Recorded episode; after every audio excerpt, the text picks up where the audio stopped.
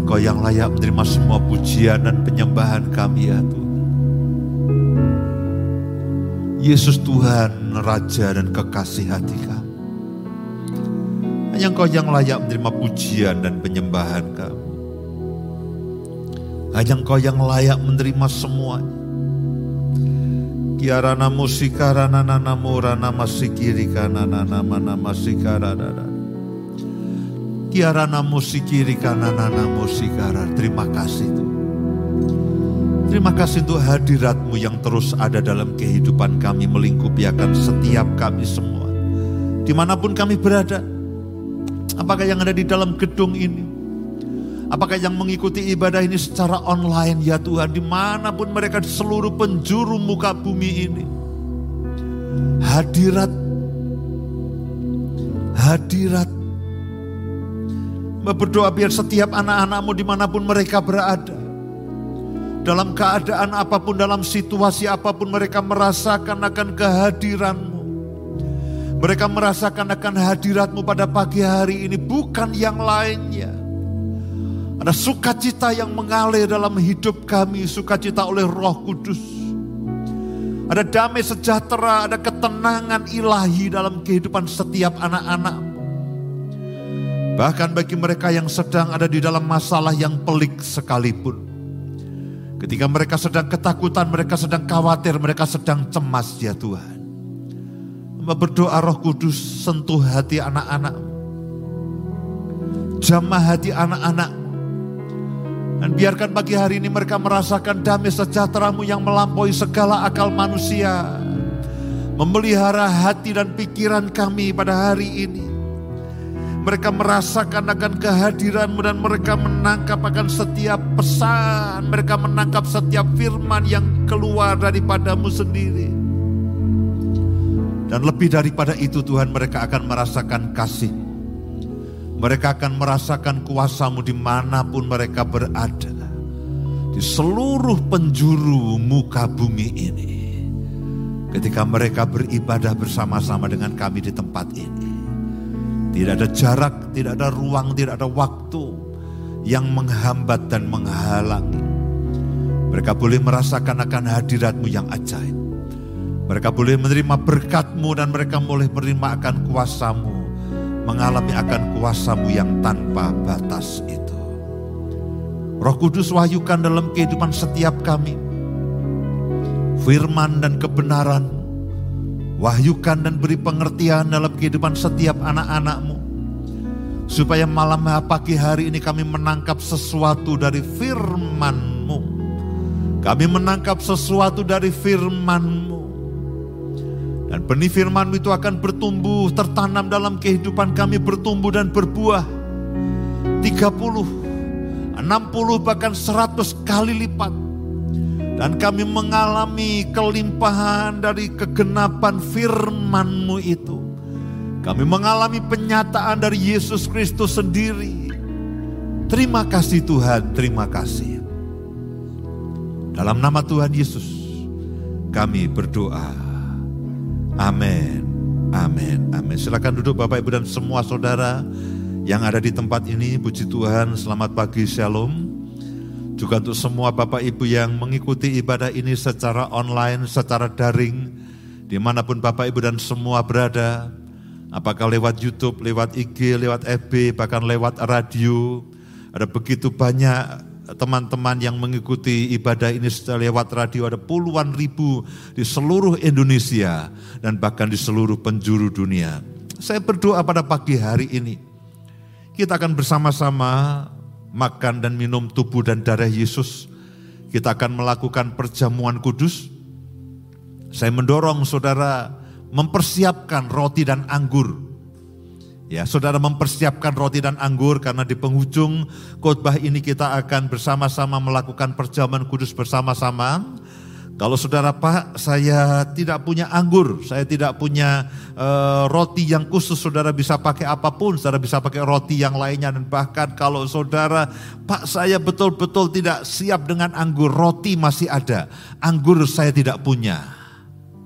Yesus pernah mengubah air menjadi anggur. Pakailah air putih. pakailah air putih kalau saudara tidak siap dengan anggur perjamuan. Air putih di mana pun saudara akan punya. Pakailah air putih itu. Dan ketika masuk ke dalam tubuh saudara, itu akan berubah menjadi anggur darah Yesus yang menghidupkan, memulihkan dan menyembuhkan semua saudara. Dan pagi hari ini saya akan berkhotbah mengenai perjamuan kudus itu sendiri. Kuasa dan berkat dari perjamuan kudus. Karena itulah yang setiap kali kita lakukan. Ada gereja yang melakukannya seminggu sekali. Ada gereja yang melakukannya sebulan sekali. Ada saudara-saudara yang melakukannya setiap kali. Saya bersyukur untuk semua yang saudara kerjakan. Dan pagi hari ini saya ingin sampaikan apa sebetulnya yang terjadi setiap kali kita makan dan minum perjamuan. Apa sebetulnya yang terjadi setiap kali kita makan dan minum perjamuan? Saya berharap firman Tuhan yang diwahyukan kepada saudara dan saya pada pagi hari ini itu akan memberikan pewahyuan, memberikan pengertian sehingga setiap kali saudara makan dan minum perjamuan ini, setiap kali saudara makan dan minum perjamuan ini. Kenapa saya katakan setiap kali? Karena sebetulnya di dalam Alkitab tidak ada patokan berapa kali seminggu, berapa kali sebulan saudara harus melakukannya. Memang beberapa gereja melakukannya setiap awal bulan. Di tempat ini, di gereja ini kita juga melakukannya setiap awal bulan.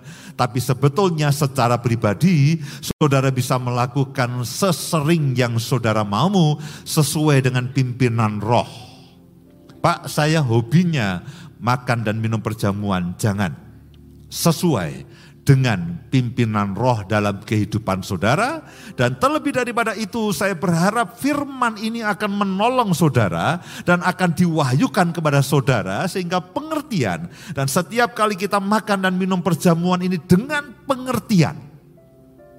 Dengan pewahyuan dengan peremaan yang daripada Tuhan, apa yang sebenarnya terjadi, lalu kuasa dan berkat dari perjamuan itu, setiap kali saudara melakukannya, saudara akan mengalaminya.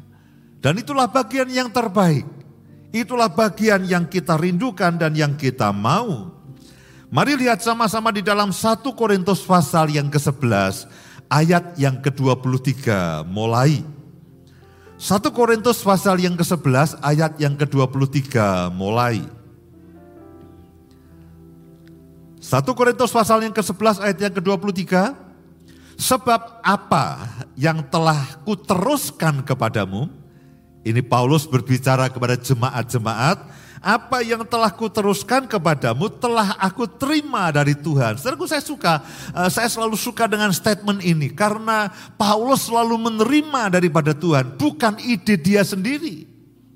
Itulah setiap kali para hamba Tuhan menyampaikan firman selalu mereka berdoa Tuhan. Supaya yang aku sampaikan, supaya yang aku khotbahkan itu bukan hanya berdasarkan dari ide, dari pengertian, dari pengalaman sang pengkhotbah itu. Tapi betul-betul dari Tuhan sendiri. Sebab apa yang telah kuteruskan kepadamu telah aku terima daripada Tuhan, yaitu bahwa Tuhan Yesus pada malam waktu ia diserahkan. Sesaat sebelum dia diserahkan dan kemudian disalibkan, ia mengambil roti.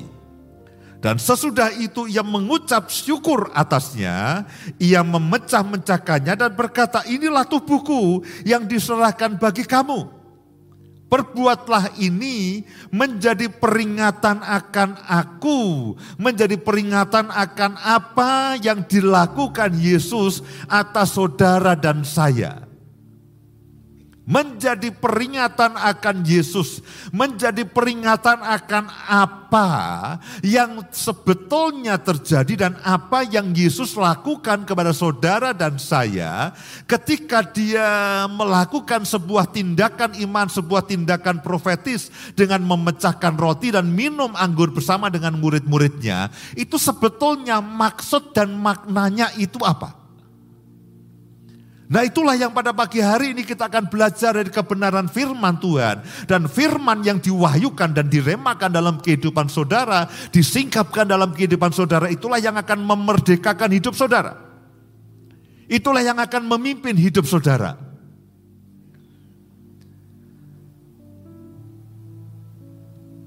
Inilah tubuhku yang diserahkan bagi kamu. Perbuatlah ini menjadi peringatan akan aku.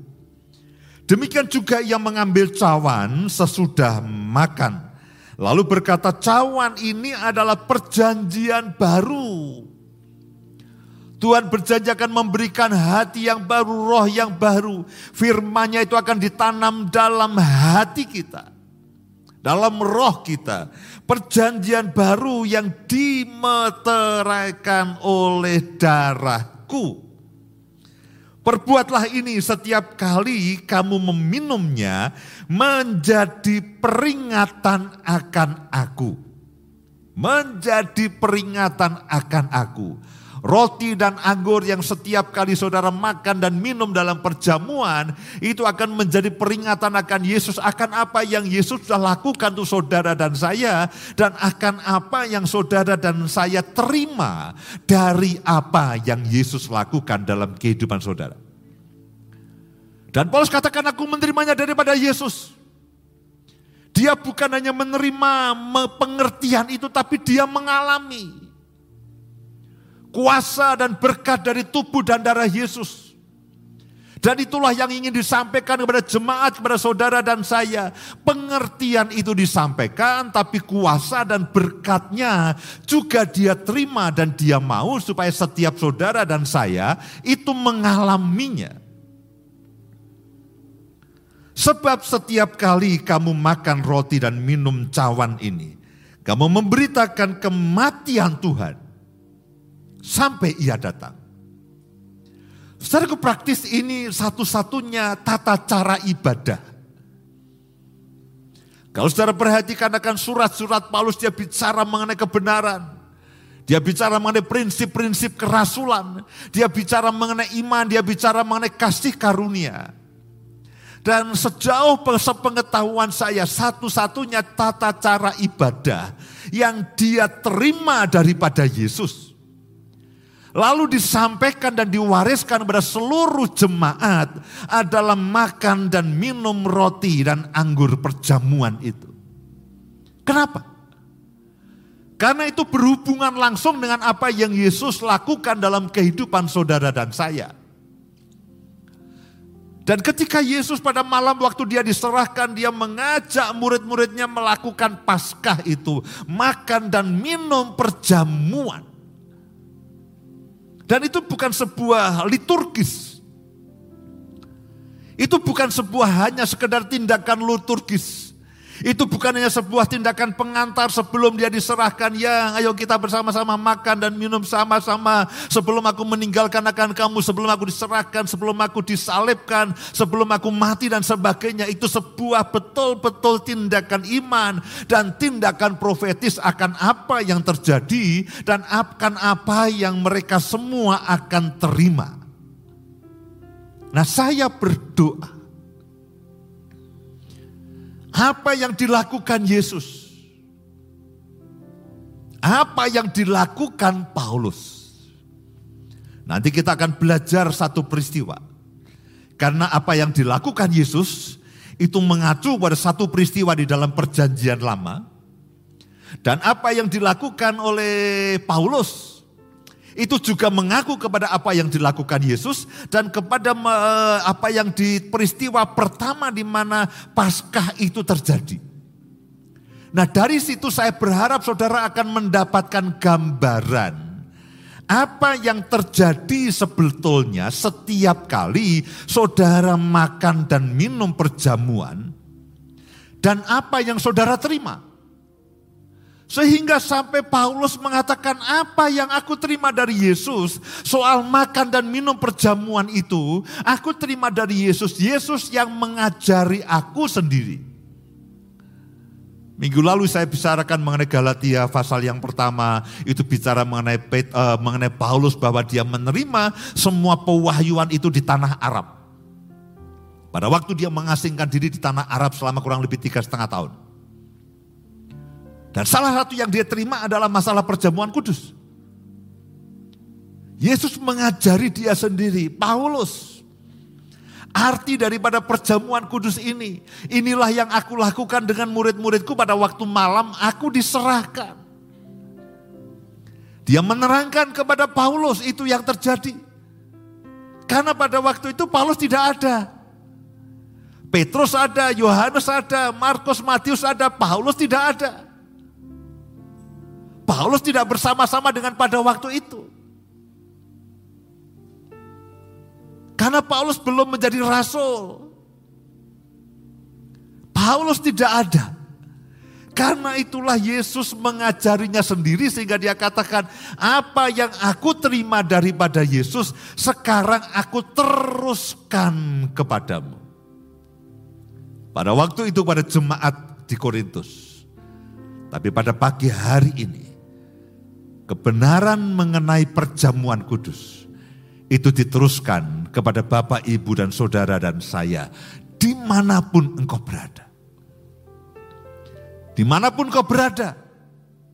Dan ketika engkau menerima pengertian itu engkau tidak akan sama lagi Iman dan pengharapanmu tidak akan sama lagi setiap kali engkau makan dan minum perjamuan iman dan pengharapanmu. Apa yang bisa engkau harapkan itu tidak akan sama lagi karena pewahyuan dan pengertian yang saudara dan saya terima.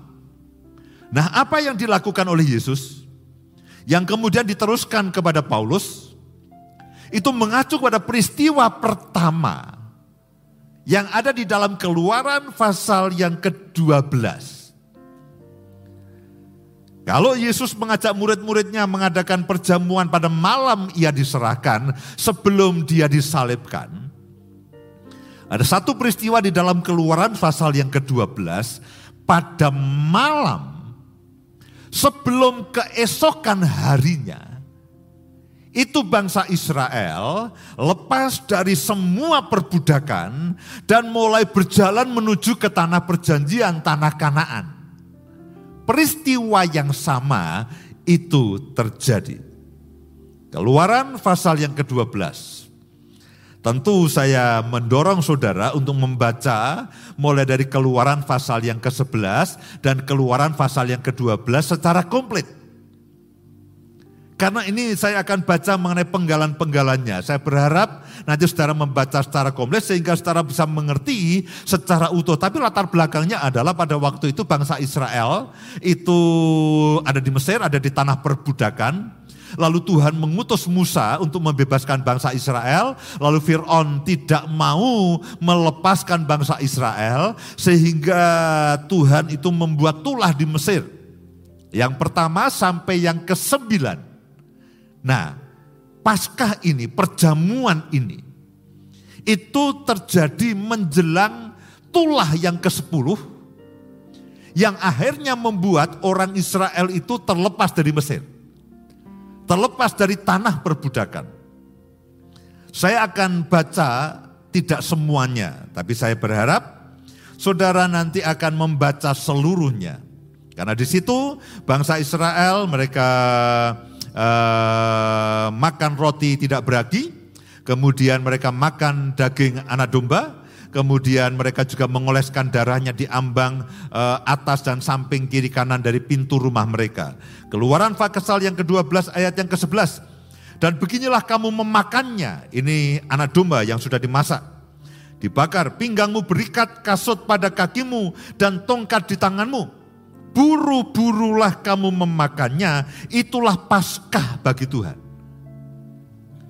Buru-burulah kamu memakannya. Kemudian paskah itu uh, oleh gereja mula-mula lalu uh, kebangkitan Yesus itu disebut dengan paskah. Tapi sebetulnya peristiwa paskah itu adalah peristiwa ketika mereka makan roti tidak beragi dan makan uh, apa namanya daging anak domba itu. Itulah pasca bagi Tuhan, sebab pada malam ini aku akan menjalani tanah Mesir, dan semua anak sulung dari anak manusia sampai anak binatang akan kubunuh. Dan kepada semua Allah di Mesir akan kujatuhkan hukuman, akulah Tuhan. Dan darah itu menjadi tanda bagimu pada rumah-rumah di mana kamu tinggal. Apabila aku melihat darah itu, maka aku akan lewat daripada kamu, jadi tidak akan ada tulah kemusnahan di tengah-tengah kamu. Apabila aku menghukum tanah Mesir, jadi tidak akan ada tulah kemusnahan di tengah di tengah-tengah kamu. Apabila aku menghukum tanah Mesir, oleh karena apa? Oleh karena darah anak domba yang dioleskan di ambang pintu mereka. Di bagian atas dan bagian kiri kanan. Oleh karena itulah kalau pada waktu perjamuan kita akan makan roti dan minum anggur. Mereka juga makan roti tidak beragi. Juga eh, daging darah anak domba. Daging anak domba dan kemudian darah itu dioleskan kepada pintu mereka. Sehingga kemusnahan itu tidak terjadi di dalam kehidupan mereka. Di dalam rumah-rumah mereka. Meskipun kemusnahan itu terjadi di seluruh Mesir. Ini merupakan jaminan dalam kehidupan saudara dan saya. Bahwa tidak ada yang bisa menyentuh saudara dan saya. Ketika Yesus ada di dalam hidup saudara. Ketika kita makan tubuh dan darah Yesus. Yesus ada di dalam hidup saudara. Apa yang bisa dilakukan oleh yang lainnya? Karena setiap kali dia menyentuh saudara dan saya, yang adalah biji mata Tuhan berarti mereka akan menyentuh Yesus. Itulah yang terjadi pada waktu Paskah yang pertama di Mesir. Mereka makan roti tidak beragi. Makan daging anak domba. Dan darah itu dioleskan. Dan dikatakan itulah kemusnahan itu tidak akan menyentuh kamu. Kenapa? Karena ada darah anak domba. Karena ada tubuh Yesus di situ. Lalu keluaran pasal yang ke-12, ayat yang ke-23. Dan Tuhan akan menjalani Mesir untuk menulahinya Apabila ia melihat darah pada ambang atas dan pada kedua tiang pintu itu, maka Tuhan akan melewati pintu itu dan tidak membiarkan pemusnah masuk ke dalam rumahmu untuk menulahi. Kenapa? Karena ada darah di situ. Karena itulah setiap kali kita makan dan minum tubuh dan darah Yesus yang dilambangkan oleh roti dan anggur ini dikatakan tidak ada tulah, tidak ada kemusnahan, tidak membiarkan pemusnah itu masuk dalam kehidupanmu. Dan saudara tahu ini hari-hari yang sangat menegangkan luar biasa. Seakan-akan maut itu mengintai setiap manusia. Kemusnahan itu mengintai setiap manusia secara ekonomi, secara sosial, secara kesehatan. Saudara dan saya lihat apa yang sedang terjadi. Apa yang kita bisa lakukan kecuali kita kembali kepada Tuhan. Tuhan, kami perlu akan kekuatan, kami perlu akan firman-Mu, kami perlu akan kuasamu yang membentengi dan melindungi akan kehidupan kami. Kemudian ayat yang ke-26. Dan apabila anak-anakmu berkata kepadamu, apakah artinya ibadahmu ini? Maka haruslah kamu berkata, itulah korban paskah. Itulah korban paskah. Bagi Tuhan yang melewati rumah-rumah orang Israel, saya dan saudara adalah Israel rohani yang melewati rumah-rumah orang Israel di Mesir, ketika ia menulahi orang Mesir, tetapi menyelamatkan rumah-rumah kita. Lalu berlututlah bangsa itu dan sujud menyembah. Saudara pasca pertama ketika mereka makan dan minum, roti dan tidak beragi itu dan anak domba itu dan darah yang dioleskan oleh ambang pintu itu adalah peristiwa. Yang ketika orang Israel pada malam hari itu itu malam terakhir itu. Mereka lepas dari perbudakan. Lalu pemusnah itu menjalani seluruh Mesir. Tetapi mereka tidak bisa menyentuh satu rumah pun dari orang Israel. Mendekat saja mereka lihat, mereka menghindar.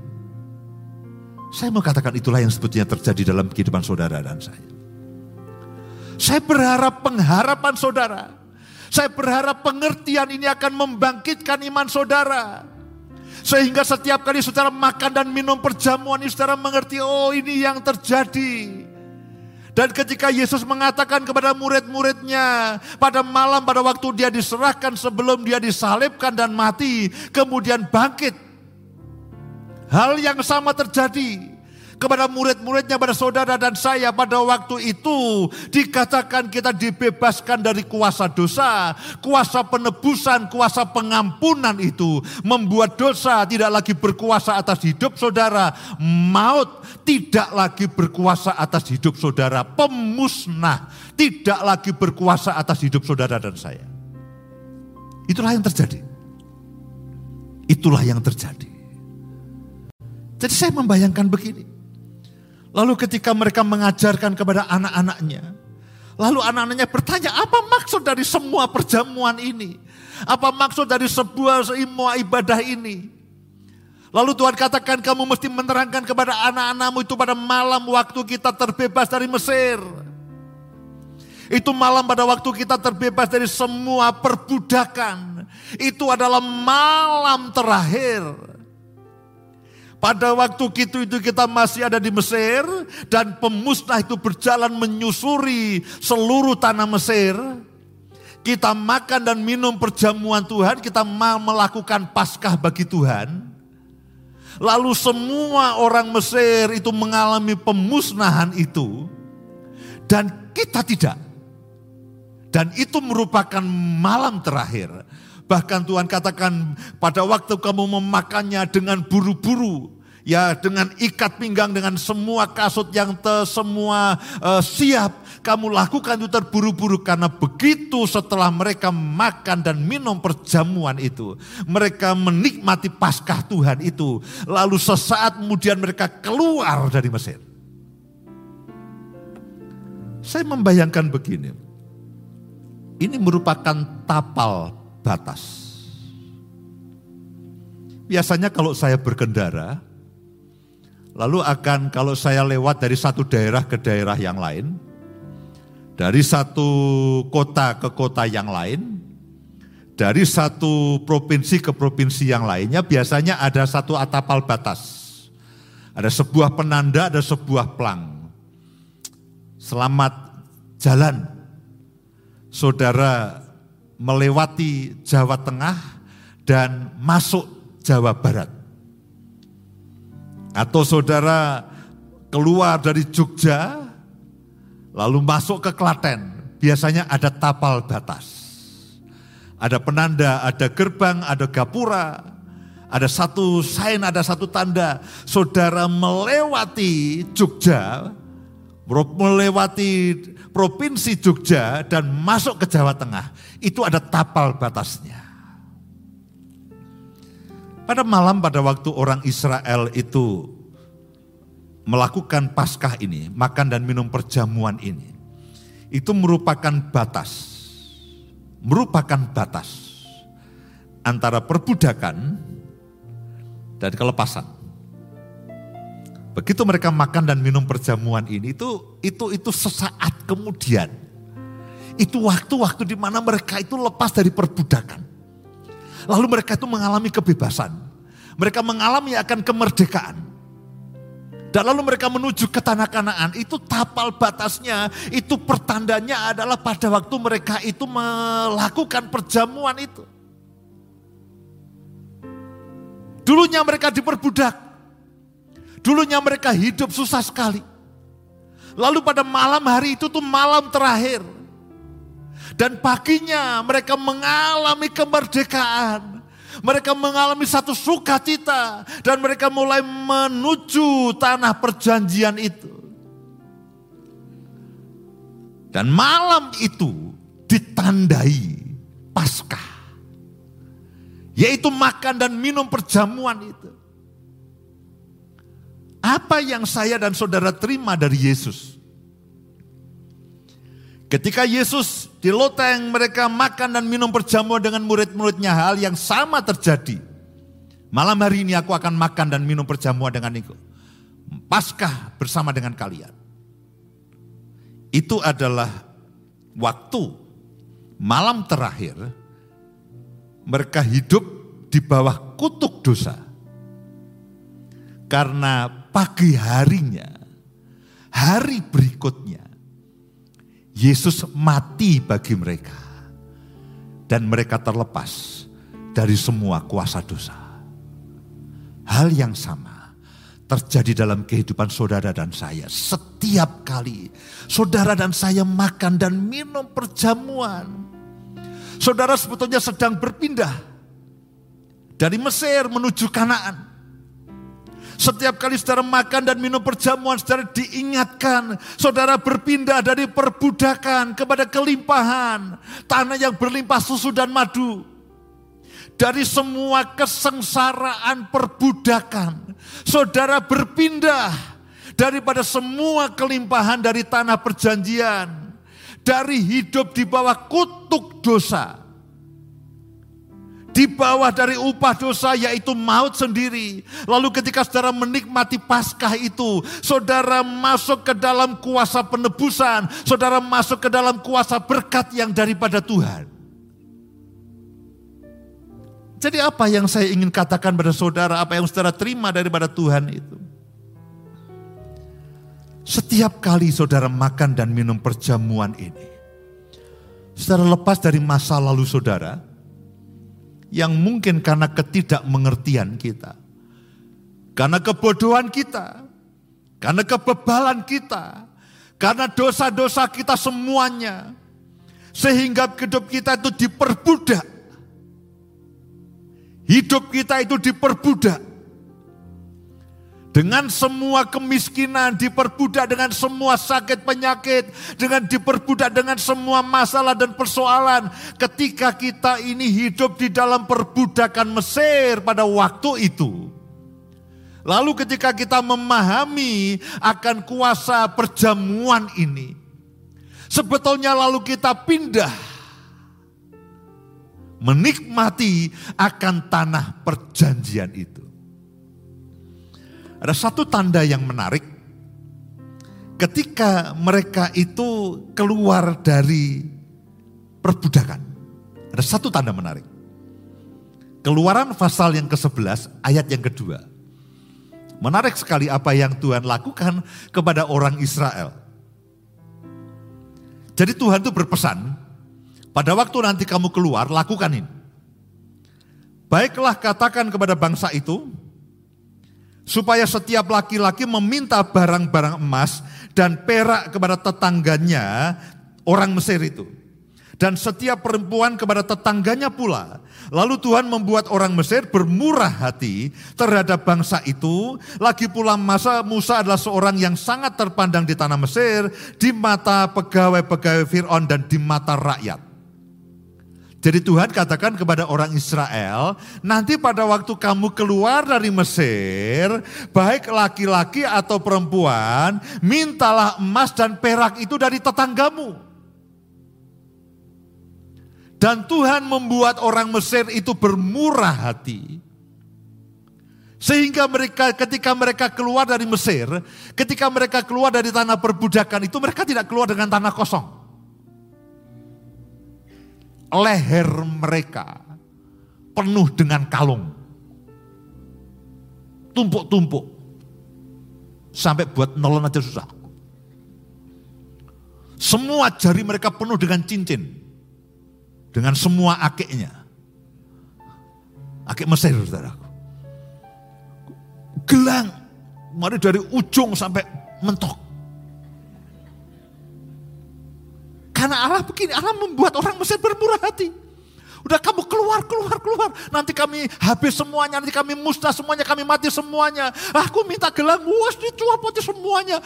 Yang di rumah, iya semua diambil semuanya. Yang diberaka semua diberikan kepada orang-orang Israel pada waktu itu. Jadi jangan bayangkan ketika orang Israel itu keluar dari tanah Mesir, mereka keluar dalam keadaan miskin. Mereka keluar dalam keadaan kaya raya. Kenapa? Tuhan perintahkan pada waktu kamu keluar dari tanah Mesir, mintalah dari semua tetanggamu emas dan perak dan harta mereka minta semuanya. Dan Tuhan membuat orang Mesir itu bermurah hati. Mereka katakan cepatlah keluar, uh, kami akan keluar. Mana emasmu? Ini emas udah semuanya diberikan semuanya. Apa yang terjadi? Ketika mereka diperbudak ratusan tahun, mereka tidak mendapatkan apa-apa yang terjadi, Tuhan kembalikan semua yang hilang karena perbudakan itu. Itulah yang terjadi. Apa yang hilang dari hidup saudara dan saya? Apa yang hilang dari ketika saudara hidup ada di dalam perbudakan? Ketika saudara di tengah-tengah kebodohan saudara, ketidakmengertian saudara, kebebalan saudara. Sehingga membuat saya dan saudara kehilangan begitu banyak. Ketika dosa masih berkuasa dalam kehidupan saudara, kita kehilangan banyak.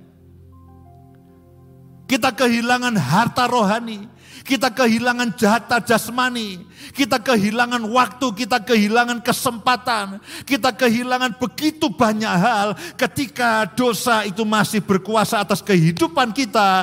Dan pada malam pada waktu Yesus akan diserahkan, pada malam pada waktu dia akan menebus kita, dia katakan Paskah. Makan dan minum perjamuan itu seperti yang terjadi kepada orang Israel, apa yang hilang selama ratusan tahun di tengah-tengah perbudakan, dalam waktu semalam semua itu kembali.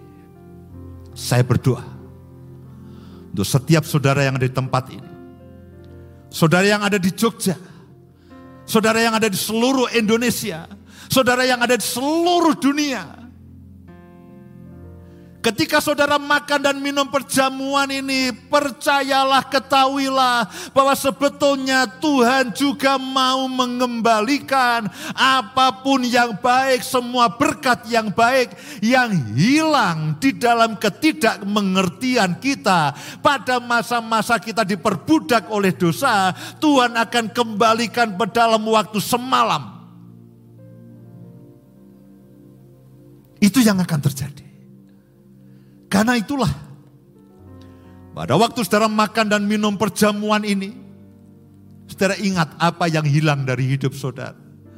Dan berdoa Tuhan, orang Israel mendapatkan apa yang hilang selama ratusan tahun dalam perbudakan. Mereka diperbudak dan mereka tidak mendapatkan apa-apa. Sama dengan ketika kita diperbudak oleh dosa dan kita tidak mendapatkan apa-apa. Yang ada hanya kerugian. Pada waktu itulah Tuhan katakan akan dikembalikan. Akan dikembalikan. Karena itulah Yesus katakan kepada murid-muridnya, malam ini aku mau makan Paskah dengan engkau. Supaya apa yang hilang dari hidupmu itu dikembalikan. Ada kuasa perlindungan sehingga pemusnah itu tidak mendekati engkau. Dan ada berkat yang ajaib yang kamu harus terima. Lalu Yesus mengajar dan membuat Paulus mengalaminya. Mengajar dan menyatakannya dalam kehidupan Paulus. Lalu Paulus mengajar dan menyatakannya dalam kehidupan jemaatnya. Dan sekarang kepada saudara dan saya mengalami hal yang sama. Apa yang hilang selama bertahun-tahun dalam kehidupan kita? Karena ketidakmengertian kita. Ketika saudara makan dan minum perjamuan, percayalah, itu dikembalikan. Nah, di penghujung khotbah saya, Bu Indah akan berdoa untuk semua saudara. Ada begitu banyak mujizat yang terjadi. Beberapa waktu yang lalu saya mendengarkan, saya membaca sebuah campur tangan Tuhan, saya membaca sebuah mujizat yang terjadi. Saya ingin bacakan untuk saudara dan saya. Terima kasih untuk kesaksian yang disampaikan. Saya berharap setiap kali saudara mengalami akan Tuhan, kirimkanlah kesaksian itu baik kepada Radio Love Jogja maupun kepada uh, nomor yang lainnya yang tertera di layar saudara. Saya ingin bacakan sebuah beberapa kesaksian untuk saudara. Orang-orang dari jauh yang mengikuti ibadah ini lewat streaming. Yang pertama itu dari Nancy Berinai dari Pekan Tutong Brunei Darussalam. Shalom Pastor, saya sangat diberkati dengan firman Tuhan yang dibagikan. Ini uh, ibadah beberapa minggu yang lalu. Saya sangat diberkati dengan firman Tuhan yang dibagikan, sangat mendengar, rasa aman terasa di hati. Terima kasih juga untuk Pastor Indah yang berdoa yang mengalami kelesuan dan kelelahan. Karena itu kondisi saya beberapa bulan terakhir ini karena masalah keuangan yang menghantam keluarga kami habis-habisan. Puji Tuhan saya mengalami ketenangan dan percaya bahwa Tuhan Yesus ada yang bersama kami dan memberi pertolongan. Saya dan keluarga mengalami rasa aman dan damai yang belum pernah kami rasakan sebelumnya di tengah persoalan yang terjadi dari Brunei Darussalam saudaraku. Hanya mendengarkan radio. Tetapi mereka juga mengalami Tuhan. Kemudian dari Koye Vivi Kediri. Saya ingin menyaksikan pertolongan Tuhan dalam hidup kami. Saya dan suami membuka toko seluler dan beberapa bulan ini toko kami mengalami stagnan dan omset menurun drastis. Kami sudah mencoba berbagai cara namun tidak berhasil. Minggu yang lalu tepatnya tanggal 31 Januari 2021 kami mendengarkan live ibadah streaming lewat radio karena tidak memungkinkan untuk kami melihat di YouTube karena kami sedang ada di toko. Kami diberkati dengan kebenaran firman mengenai mengalami penyataan Yesus kami hanya bisa percaya dan sepakat dengan firman yang disampaikan. Saya dan suami berdoa membawa kondisi toko saat ini. Kami ingin mengalami seperti firman yang disampaikan. Puji Tuhan, ajaib. Dua hari berikutnya, berarti hari Selasa. Toko kami mendadak dibanjiri banyak orderan, baik yang datang maupun yang pesan secara online. Dan sampai hari Kamis, omset toko kami sudah naik dua sampai tiga kali lipat. Sehingga bisa melunasi tunggakan-tunggakan beberapa bulan kemarin yang belum bisa kami bayar. Terima kasih pastor untuk firman yang disampaikan. Tuhan memberkati. Ajaib. Apa yang hilang? Karena ketidakmengertian kita. Apa yang hilang karena dosa-dosa kita. Tuhan akan kembalikan. Itulah kuasa dari perjamuan ini. Satu lagi, ini dari jauh dari sekali. Dari Anastasia Wani dari Denver, Amerika. Orang Indonesia yang menikah dengan seorang Amerika, dengan bule Amerika. Sejak 2016, saya menikah dengan bule. Beberapa minggu ini rutin mendengarkan streaming ibadah lewat radio Love Jogja FM. Terima kasih Love Jogja. Terima kasih Mas Anton yang dengan setia terus mengoperasikannya. Kemarin Pastor Indah berdoa dan menyebut untuk saraf yang kejepit. Rupanya Tuhan memberitahukan kepada Pastor Indah bahwa ada saraf kejepit. Di mana Tuhan? Bukan di Indonesia, di Amerika. Oh itu kuasa roh kudus saudaraku. Roh kudus itu sedang di Amerika lihat ada orang roh apa namanya sarafnya kejepit. Lalu berbisik kepada uh, Pastor Indah. Pastor, ada orang sarafnya kejepit. Dia sampaikan. Enggak ngomong sama saya, ngomong sama Pastor Indah. Nanti dia akan banyak juga ngomong dengan Pastor Indah. Ngomong ke saya urusan khotbah. Berdoa dan menyebut untuk saraf yang kejepit. Saya tersentak kaget karena itu yang dialami oleh suami saya sejak satu bulan terakhir. Suami saya menangis dan ikut berdoa, percaya dan sepakat menerima mujizat kesembahan. Saya membayangkan bule Amerika menangis saudaraku karena dijamah oleh Roh Kudus. Selasa pagi tiba-tiba suami bilang seperti ini kok badanku enak ya. Tidak seperti yang kemarin-kemarin. Semalam waktu tidur badanku dan bagian pinggang yang kejepit sarafnya seperti ada yang memijit dan mengurutnya. Malaikat Tuhan ternyata bisa memijit dan mengurut saudaraku. Pagi itu suami mencoba melakukan gerakan-gerakan yang kemarin tidak bisa dilakukan sebelumnya dan sakit. Suami bersuka cita karena bisa bergerak normal dan sembuh tidak sakit lagi. Terima kasih pastor untuk kebenaran firman dan doanya sehingga suami saya mengalami kesembuhan. Saya berdoa. Ribuan, puluhan ribu di mana pun saudara berada pada pagi hari ini. Saudara akan mengalami kuasa perjamuan. Seperti yang dialami oleh orang Israel. Kuasa Tuhan menaungi mereka. Sehingga mereka tidak mengalami pemusnah itu sama. Kuasa Tuhan akan juga akan mengalami saudara pada hari-hari ini. Sehingga pemusnah yang sedang bekerja di mana-mana. Itu tidak bisa menyentuh saudara. Karena darah Yesus ada dalam hidup saudara. Saudara juga mengalami berkat Tuhan. Yang hilang Ketika saudara belum percaya Yesus, saudara belum mengalami kuasa Tuhan, saudara dalam kebodohan, dalam ketidakmengertian, dalam kebebalan kita, kita mengalami begitu banyak kerugian. Orang Israel dalam semalam. Kerugian itu dikembalikan. Seperti Vivi yang dari Kediri tadi dalam waktu beberapa hari saja dia bisa melunasi semua hutangnya. Saya berdoa pengalaman yang sama. Saya dan saudara mengalaminya. Saya juga mau mengalaminya. Saya katakan Tuhan aku tidak mau banyak berkhotbah. Aku tidak hanya mau berkhotbah dan capek. Karena setiap kali habis berkhotbah itu makan saya banyak saudaraku. Capek saudara. Saya tidak hanya mau Tuhan, saya tidak mau hanya berkhotbah lalu capek lalu terkapar sampai rumah dan semua orang mengalami. Saya katakan saya harus mengalami. Kali ini saya harus menjadi orang yang pertama yang mengalami. Karena sejak tadi malam Tuhan sudah berbicara. Lalu saudara semuanya juga mengalami. Saya berdoa semua dari kita mengalami kuasa dan berkat Tuhan. Bagian yang terakhir sebelum nanti Pastor Indah akan berdoa. Dan entah apa yang dia akan sampaikan. Injil Yohanes pasal yang ke-6 ayat yang ke-56. Ini ajaib.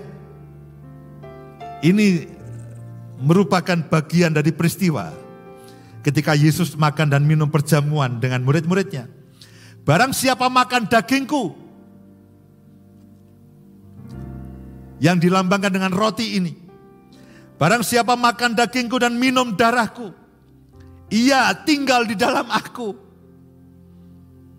Ia tinggal di dalam aku, saudara tinggal di dalam Yesus. Siapa yang bisa menyentuh saudara? Pemusnah itu tidak berani mendekat dan tidak berani menyentuh hidup saudara. Karena saya dan saudara tinggal di dalam Kristus. Saya dan saudara ada di dalam perlindungan Kristus. Kristuslah yang mengcover hidup kita. Malaikatnya akan dia perintahkan untuk menatang kita dalam segala perjalanan kita. Sehingga tidak ada yang membahayakan dan mencelakakan akan kehidupan kita. Dan yang ajaib dikatakan, dan ia tinggal di dalam aku dan aku di dalam dia.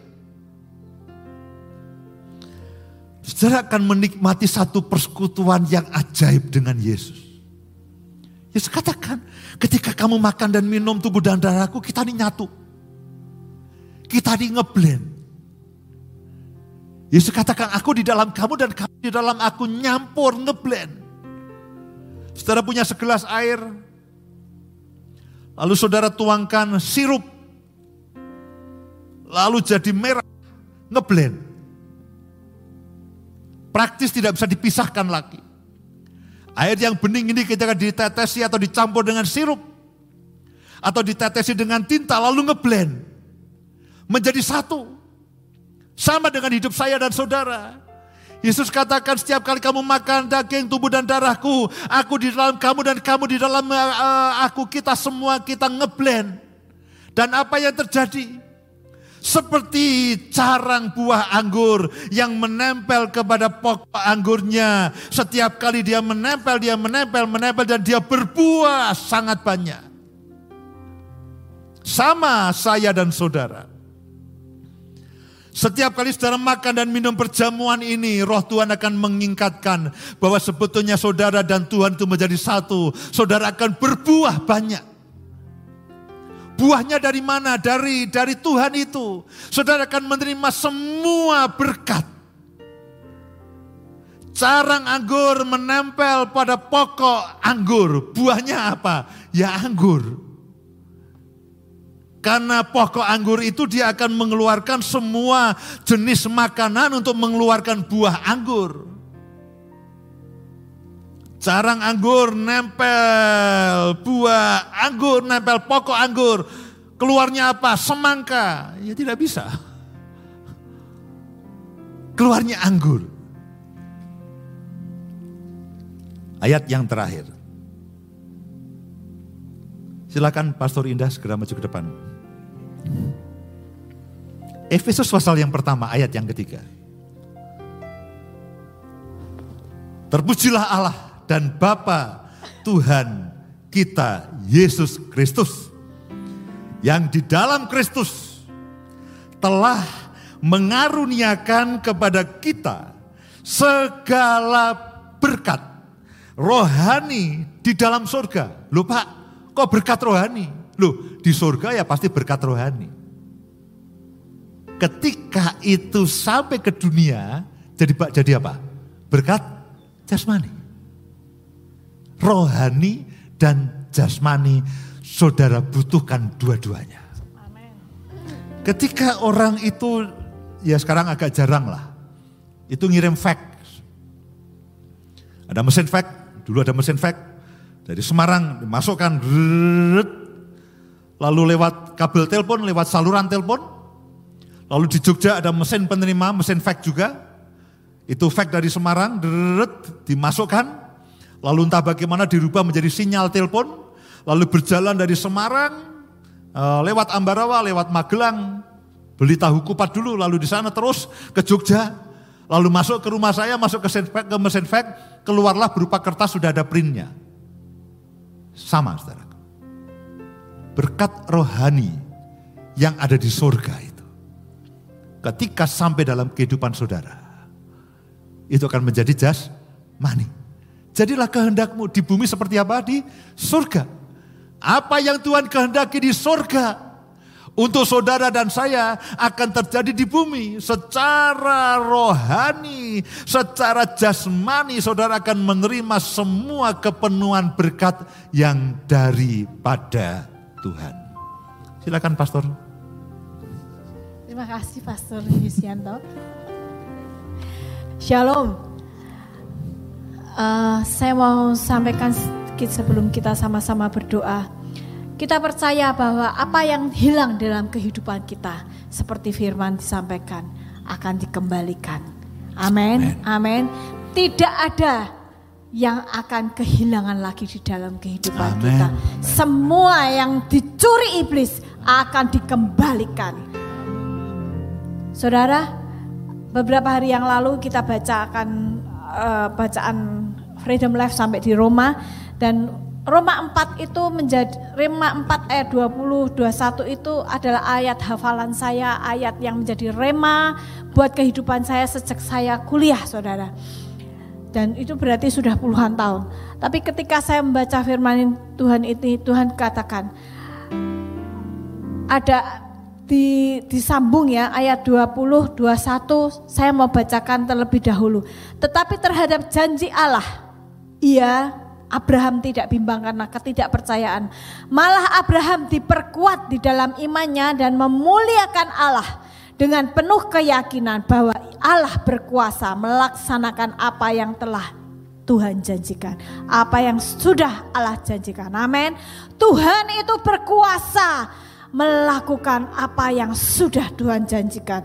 Dan dikatakan di ayat 22, karena itu karena itu hal ini diperhitungkan kepadanya sebagai kebenaran. karena kepercayaan Abraham, karena iman Abraham diperhitungkan sebagai kebenaran. Saudara, ayat 23 dan sampai 25 itu yang hari itu ketika saya membaca itu berbicara banyak buat saya. Kata-kata ini yaitu hal ini diperhitungkan kepadanya tidak ditulis untuk Abraham saja. Amin. Untuk Bapak Ibu Saudara yang ada di tempat ini dan Bapak Ibu Saudara di mana pun engkau berada.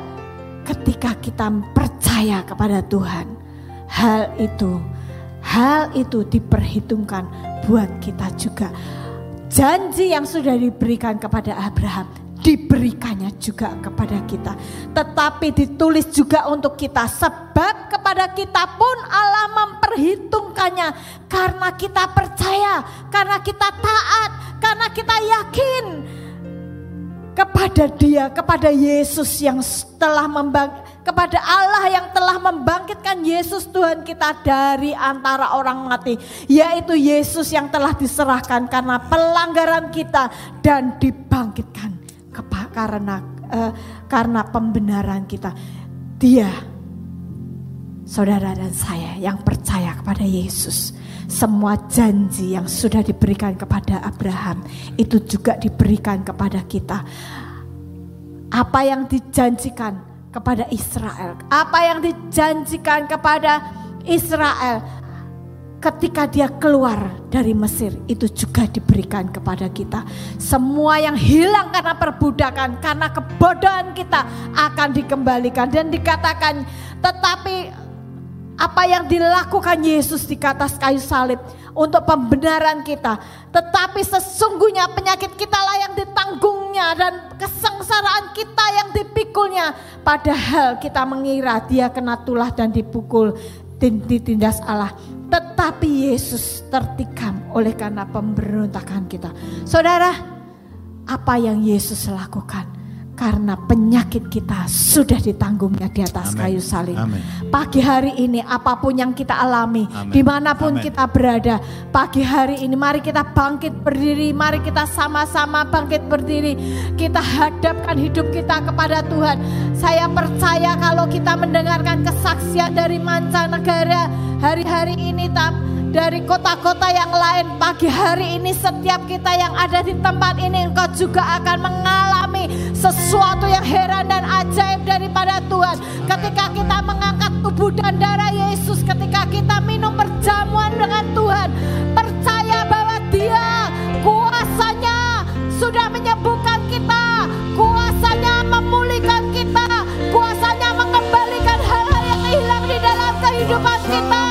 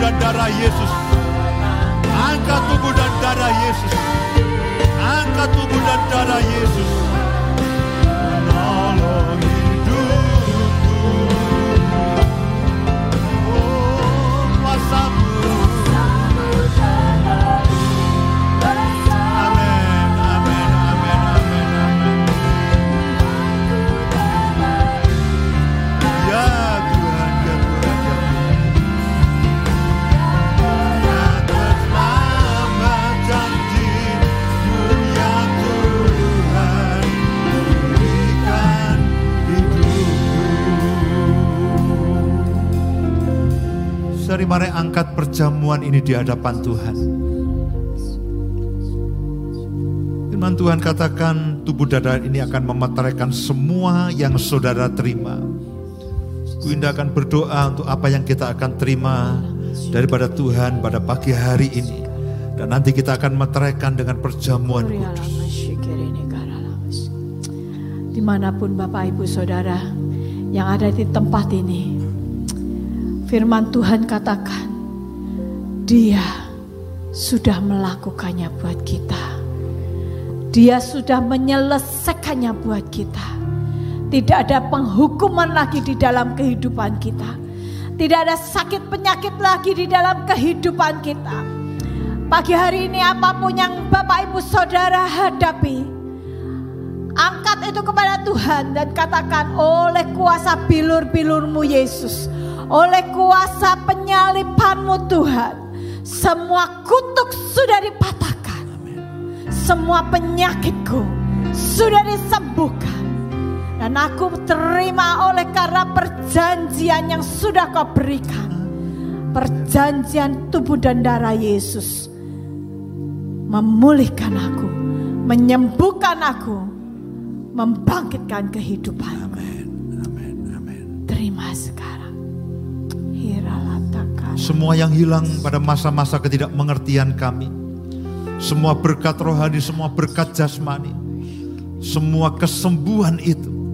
Semua pemulihan dalam kehidupan kami. Keluarga-keluarga yang terpecah akan dikembalikan lagi.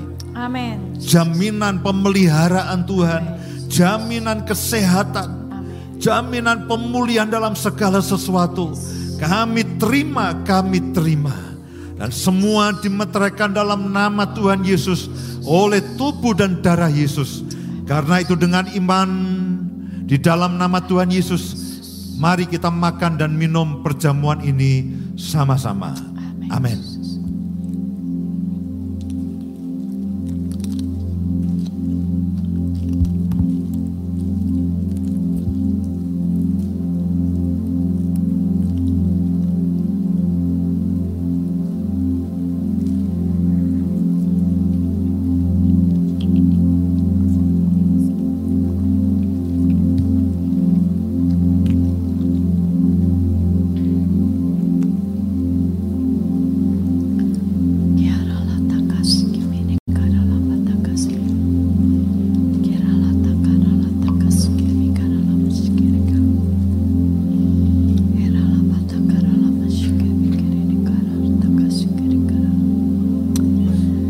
Di mana pun Bapak Ibu Saudara berada, kau yang ada di tempat ini juga, saya tidak tahu pesan Tuhan ini buat siapa, tetapi saya melihat ada sumur yang membual-bual. Dan Tuhan katakan, ada engkau yang kau kehilangan akan pekerjaanmu hari-hari ini. Kau kehilangan akan pekerjaanmu hari-hari ini dan kau bingung mengerjakan apa. Engkau sedang mencari pekerjaan dan Tuhan katakan, gali sumur yang sudah pernah digali oleh orang tuamu dan itu akan mengeluarkan air yang membual-bual. Dan Tuhan katakan, apa yang pernah dikerjakan oleh orang tuamu, jangan engkau anggap remeh. Jangan engkau anggap remeh. Kalau Tuhan arahkan engkau untuk mengerjakannya kembali, mulailah engkau dengan setia mengerjakannya. Engkau dengan setia mengerjakannya. Dan Tuhan akan membuat sumur itu kembali membual-bual.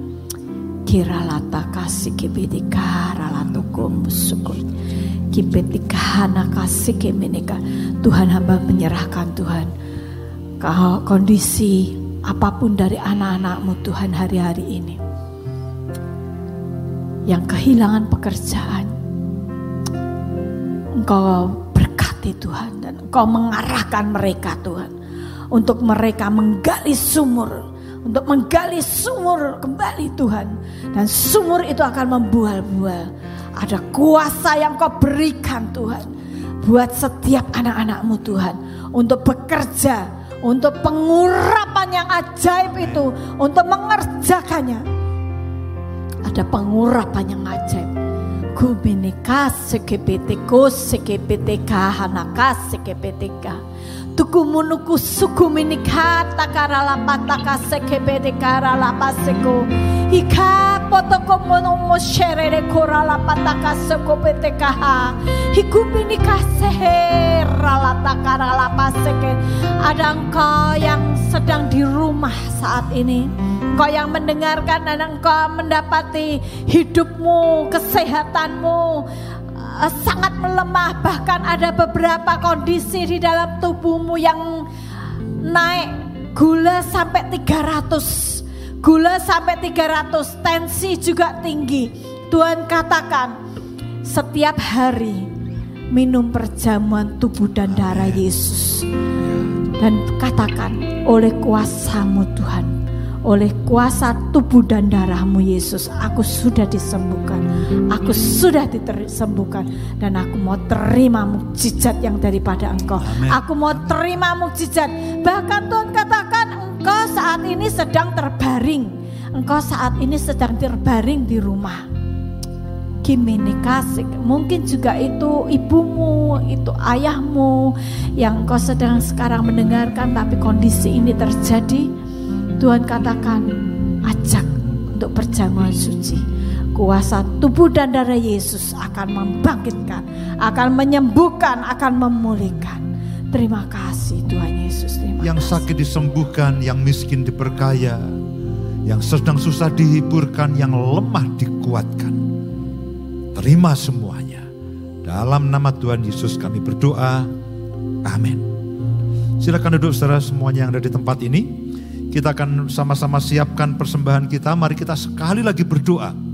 Di mana pun saudara, kalau saudara memberikan persembahan, apakah secara langsung atau kebanyakan lewat online banking, lewat uh, digital payment, semuanya seperti yang tertera di dalam layar saudara. Setiap kali saudara mari berdoa terlebih dahulu. Setiap kali kita akan memberikan persembahan, kita berdoa, kita berdoa, kita berdoa, arahkan hati kita. Arahkan hati kita Supaya persembahan kita tidak sekedar menjadi sebuah kebiasaan. Mari kita berdoa bersama-sama. Kami mau bawa semua korban syukur kami. Kami mau bawa persembahan kami kepadamu. Kami mau bawa perpuluhan. Kami mau bawa janji iman persembahan untuk misi semuanya kepadamu Tuhan. Dengan hati yang mengasihi engkau. Dengan hati yang penuh dengan ucapan syukur. Terima kasih Bapak, terima kasih. Di dalam nama Tuhan Yesus kami berdoa. Amin. Bagi saudara yang mengikuti streaming ini lewat radio, ada satu nomor rekening Bank Sentral Asia yang saya akan bacakan. Saudara bisa catat kalau saudara ingin memberikan persembahan. 017 121 7007 atas nama GKKD Glory of God Yogyakarta 017 121 7007 uh, rekening Bank Sentral Asia, rekening BCA atas nama GKKD Glory of God Yogyakarta. Baik, saya rasa tidak ada pengumuman yang lainnya. Mari semua bangkit berdiri, kita akan akhiri ibadah kita pada pagi hari ini. Mari angkat kedua tanganmu dan terimalah berkat Tuhan. Sekali lagi Tuhan hamba berdoa untuk setiap anak-anakmu di mana pun mereka berada. Mereka akan mengalami kuasa dan berkat dari Paskah itu sendiri. Mereka akan mengalami kuasa dan berkat dari perjamuan kudus itu. Apa yang hilang, semua kerugian baik secara rohani maupun secara jasmani. Oleh karena Kristus, kami sudah menerima semua berkat rohani di sorga dan di bumi. semua kerugian dan semua yang hilang. Rohani, jasmani, keuangan, kesehatan kami terima kembali oleh karena kuasa dan berkat Tuhan. Terjadi dalam kehidupan setiap anak-anakmu. Terima kasih Tuhan, terima kasih. Perlindunganmu sempurna, berkatmu ajaib. Di dalam nama Tuhan Yesus kami berdoa. Semua yang percaya sama-sama katakan, Amin. Tuhan memberkati.